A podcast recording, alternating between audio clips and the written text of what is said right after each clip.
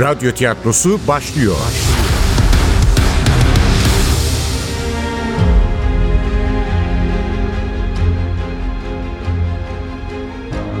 Sergey Nikolayevich Jerkovski'ye ne oldu? 9. bölüm. Eser Ahmet Ümit.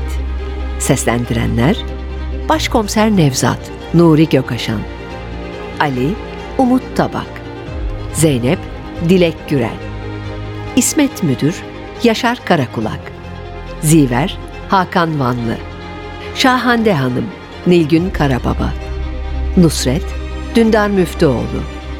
Efektör Cengiz Saral. Ses teknisyeni Hamza Karataş. Yönetmen Yusuf Canlı.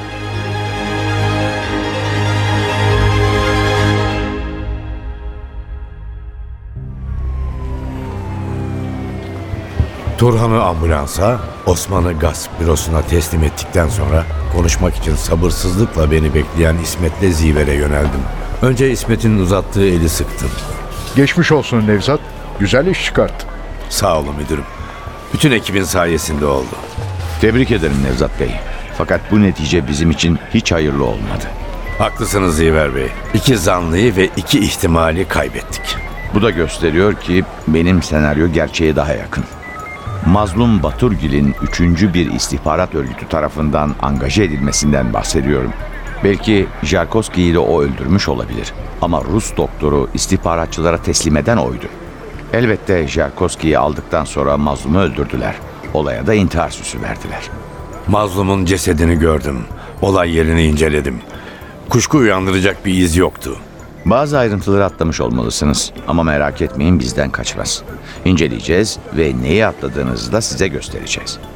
O zaman bu davayı olduğu gibi size devredelim. Madem biz ayrıntıları atlıyoruz, siz bildiğiniz gibi çalışın. Bu işten kaçamazsınız İsmet Bey. Siz başladınız, biz sonradan müdahil olduk. Teşkilatınızın eksiklerini niye biz üstlenelim? Emir büyük yerden. İsterseniz İçişleri Bakanlığı'ndan da bir talimat getiririm.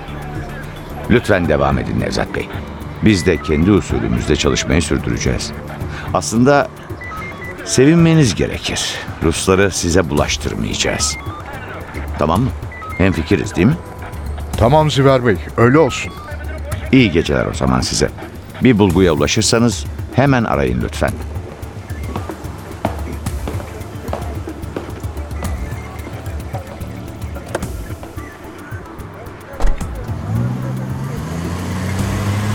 Aldık belayı başımıza Nevzat. Ne yapacağız şimdi? Gerekeni yapacağız İsmet. Merak etme. Öyle ya da böyle çözeceğiz bu işi. Nasıl bu kadar rahat olabiliyorsun Nevzat? Anlamıyorum. Jerkovski çok önemli bir doktor. Bütün dünya adamın peşinde. Baksana Putin özel ekip yollamış. Sen hala hallederiz deyip duruyorsun. Halledeceğiz. Güven bana İsmet. Özel ekiplik bir mesele yok ortalıkta. Nasıl bir mesele var peki? O kadarını bilmiyorum ama çok sürmez. Öğreniriz.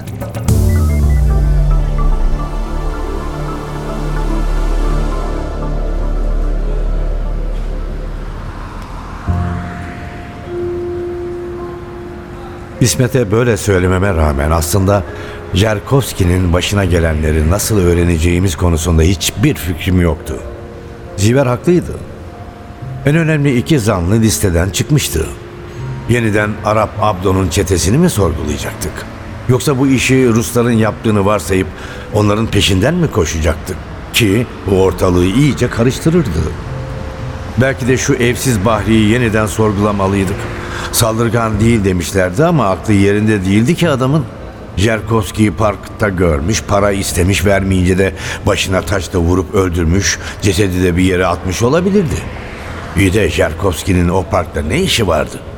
Yok canım. Bütün bu ihtimaller çok saçmaydı. Genç olmalarına rağmen artık yorgunluktan düşmüş omuzlarıyla yanıma yaklaşan Ali ile Zeynep'in de bir çözüm önerisi olduğunu sanmıyordum. Bugünlük bu kadar yeter çocuklar. Gidip güzelce dinlenin. Yarın bana zinde lazımsınız. Emredersiniz başkomiserim. Sabah merkezde buluşuruz o zaman. Siz de dinlenin başkomiserim. Çok yorgun görünüyorsunuz. Dinleneceğim Zeynep'ciğim. Buradan Evgenya'ya gideceğim zaten. Aziz'i görürsem yorgunluğum falan kalmaz benim.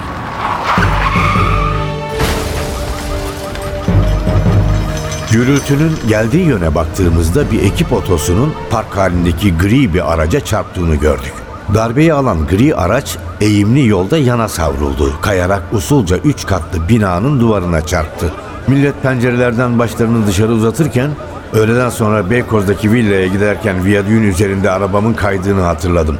Benim gibi şaşkınlıkla kazayı izleyen yardımcıma döndüm. Alicim şu viyadük vardı ya hani villaya giderken az kalsın kaza yapacaktık. Evet başkomiserim. Berbat bir yol. İşte bahtsız Bahri'nin telefonu bulduğu park onun altında değil miydi? Sanırım öyle. Evet öyle olmalı. Viyadüğün beton ayaklarını gördük ya parkın içinde. Zeynep'ciğim villanın dışında kovan araması yapıldı mı? Aa, villanın dışında derken bahçeden mi söz ediyorsunuz? Hem bahçeden hem de duvarın dışındaki kapının önünden. Hayır, yapmadık. Cinayet içeride işlendiği için Ya sadece katiller değil. Olayı soruşturan polisler de eninde sonunda cinayet mahaline döner. Uykuyu unutun çocuklar. Hadi Beykoz'a gidiyoruz.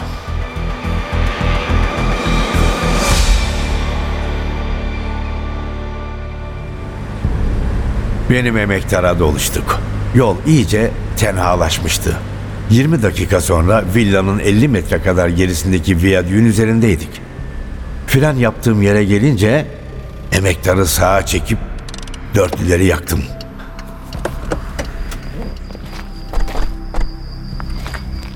İndik viyadükten aşağıya baktık. Karanlıktı. Tam seçemiyorduk ama parkın altımızda olduğu kesindi. Yeniden arabaya bindik. Villanın önüne geldik.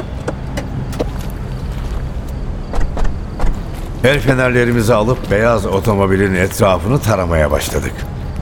Beş dakika geçmeden ilk müjdeyi verdi Zeynep. Evet burada başkomiserim. Birini buldum. İkincisi de burada. Üçüncüsünü de buldum. Buradan ateş etmiş demek ki. Mazlumun 14 mermi alan tabancasında iki kurşun kalmıştı. Altısını Leyla'ya sıkmış, birini de kendine ayırmıştı. Kayıp beş kovandan üçünü Zeynep bulmuştu. İki tane daha gerekiyordu. Burada da var bir tane. Güzel, dikkatli bakın bir tane daha olmalı. O da burada başkomiserim. Kovanları deri torbasına koyduktan sonra ikisi de soru dolu gözlerini yüzüme diktiler. Çocuklar, senaryom şu. Mazlum karısının kendisini aldattığını anladı. Belki Leyla'nın mesajlarını okudu. Böylece Rus bilim adamıyla kaçacağını öğrendi.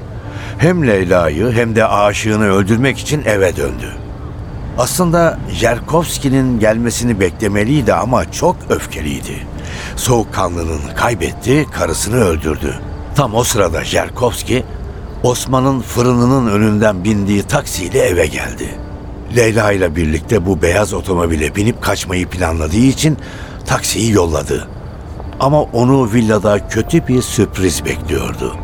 Aklını yitirmiş, nefret dolu bir koca. Yine de Jerkovski şanslıydı. Kıskanç koca onu ateş edemeden birbirlerine girdiler. Mazlumun patlamış dudağı, tırnaklarındaki kan ve deri bunu gösteriyordu. Jerkovski güçlü bir adam olmalı. Mazlumu alt edip villadan kaçmayı başardı. Kıskanç koca arkasından seyirtti. İşte tam burada silahını çıkardı. Jerkovski'nin arkasından ateş etti. Vurulacağını düşünen Rus doktor kendini viyadükten aşağı attı. Ya da vurulup aşağı düştü. Bahri'nin telefonu bulması böylece açıklığa kavuşuyor. İyi ama Jarkovski nerede? Aşağıda bir yerlerde olmalı. Parkı aramalıyız. Üçümüzün başa çıkabileceği bir iş değildi bu. Soruşturmanın ilerlediğini gören İsmet, istediğim kadar memur gönderdi bana. Aklını komplo teorileriyle bozmuş olan Ziver, zahmet edip gelmemişti bile yanımıza. Ama biz büyük bir gayretle başladık aramaya. Didik didik ettik bütün parkı. Bakılmadık tek bir yer, tek bir kovuk, tek bir ağaç altı bırakmadık. El fenerlerimizin ışığı hamarat ateş böcekleri gibi uçuştu gece boyunca ağaçların altında. Bahtsız Bahri gibi bir evsizle karşılaştık. Bankta yatan adamı görünce yeniden umutlandık. Sonunda bulduk doktoru diye. Yüzünü görünce hayal kırıklığına uğradık. Elbette yılmadık. Ama ne yazık ki gün doğarken umutlarımız kararmaya başladı. Hayır, kesinlikle Jarkovski bu parkta değildi. Oysa cesedini bulmak bile bir çözümdü. Yeniden aynı noktaya dönmüştük. Üstelik eskisinden çok daha çözümsüz ve çaresizdik. Uykusuzluk aklımızı karıştırıyordu. Acıkmadınız mı başkomiserim? Şu ileride bir pastane var. Bir şeyler yesek iyi olacak. Haklıydı. Daha sağlıklısı birkaç saat kestirmekti ama önce karnımızı doyurmakta da fayda vardı. Üçümüz birlikte pastaneye yürüdük. Yaklaşınca mis gibi poğaça kokusu çarptı burnumuza. Bu koku bile canlanmamıza yetti. Dükkanın tabelasında şans pastanesi yazıyordu. Kapının önündeki güneşli masaya çöktük. Poğaça, çay söyledik. Daha sıcak poğaçadan bir ısırık almıştım ki aşina bir ses çınladı kulaklarımda. Zeytinlileri bitirmeyin, yemeyin onları. Bırakın lütfen, Ragıp Bey'e götüreceğim. Dün akşam manavda karşılaştığımız Şahende Hanım. Bahçesindeki elmaları çalmışız gibi öfkeyle üzerimize yürüyordu. Güneş arkasından vurduğu için iri cüssesi devleşiyor, gölgesi masamıza kadar uzuyordu. Niye yiyorsunuz Ragıp Bey'in poğaçalarını? Onlar bizim... Allah Allah. Allah Allah. Şahende Hanım ne yapıyorsunuz? Müşterilerimi rahatsız etmeyin lütfen. Çekilin dükkanımın önünden. Bana bak kümbetli Nusret. Sen kimi kimin dükkanından kovuyorsun? Burası benim malım. Kiralamak için Ragıp Bey'e yalvardığın günleri ne çabuk unuttun. Her sabah çırağınla sen yollardın poğaçalarını. Şimdi beni mi kovuyorsun dükkanından? Yazık yazık şu haline bak. Nerede kaldı Ragıp Bey'e duyduğun saygı? Ragıp Bey öldü Şahende Hanım. Nur içinde yatsın çok iyi adamdı ama anlayın artık kocanız rahmetli oldu. Sen öyle san. Dün geldi Ragıp Bey. Evet geldi. Ben parkta otururken. Evet, hep onunla birlikte oturduğumuz banktayken. O bankta evlenme teklif etmişti bana. O zaman çok gençtik tabii. Evet, artık genç değiliz ama Ragıp Bey yine geldi. Yorgundu, hırpalanmıştı, yaralıydı ama yine bana geri döndü. Hemen sarıldım, bağrıma bastım. Kokusunu içime çektim. Aldım eve götürdüm. Temizledim, uyuttum, yemekler yaptım. Şimdi daha iyi. Birkaç güne kalmaz kalkar ayağa. Üç gün sonra Ragıp Bey'le gelip bu dükkandan seni atarken görürsün sen kim ölmüş. Ali ile göz göze geldik. Ama Zeynep bizden önce davrandı. Aa, tebrik ederim Şahende Hanım. Sonunda kavuşmuşsunuz eşinize. Mutluluklar dilerim. Ragıp Bey o kadar seviyorsa bizimkileri verelim. Evet Şahende Hanım. Yeter mi bilmem ama bakın burada üç poğaça var. Onları da verelim size. Çok çok teşekkür ederim. Çok kibarsınız. Ragıp Bey de çok severdi sizi. Aslında ben de Ragıp Bey'le tanışmayı çok isterdim. Çok duydum Metin'i. Şahane bir insanmış. Mümkün mü bizi kabul eder misiniz? Hem onun da canı sıkılmıştır belki. Biraz sohbet ederdik. Görüyor musun kümbetli Nusret? Bak insanlar Ragıp Bey'le tanışmak için nerelerden geliyor? Sen de kadir kıymet bilmiyorsun. Buyurun gidelim.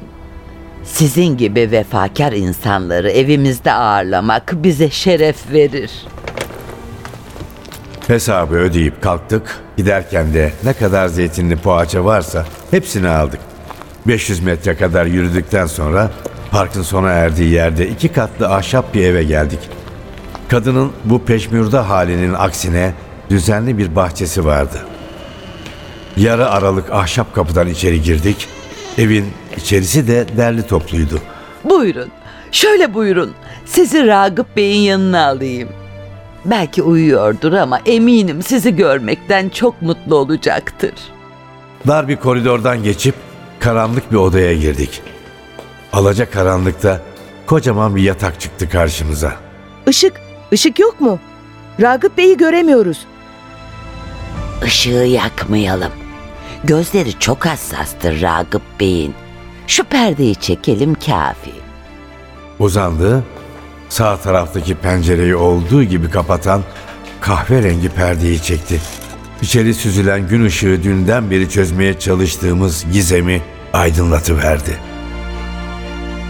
Tıp kongresi bahanesiyle İstanbul'a gelip sevgilisini Petersburg'a götürmek isteyen Doktor Sergey Nikolaevich Yarkovski yarı baygın bir halde Şahende Hanım'ın yatağından bize bakıyordu.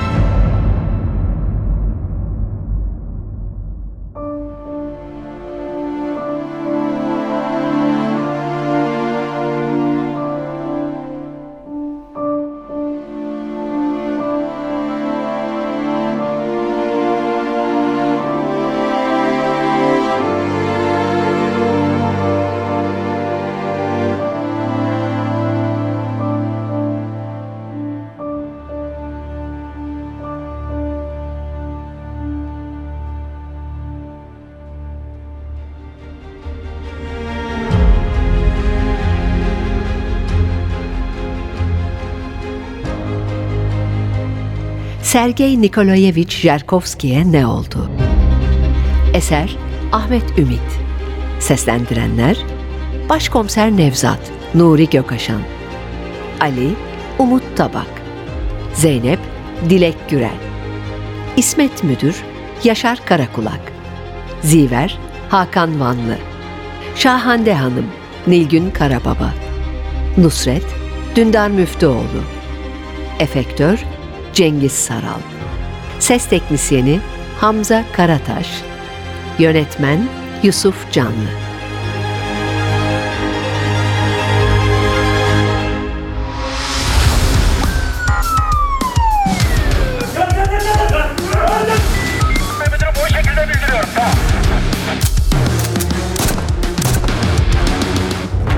Başkomiser Nevzat'ın maceraları sona erdi.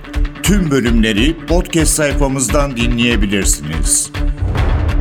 Başkomiser Nevzat'ın yeni maceraları ise yeni yayın döneminde yine NTV Radyo'da.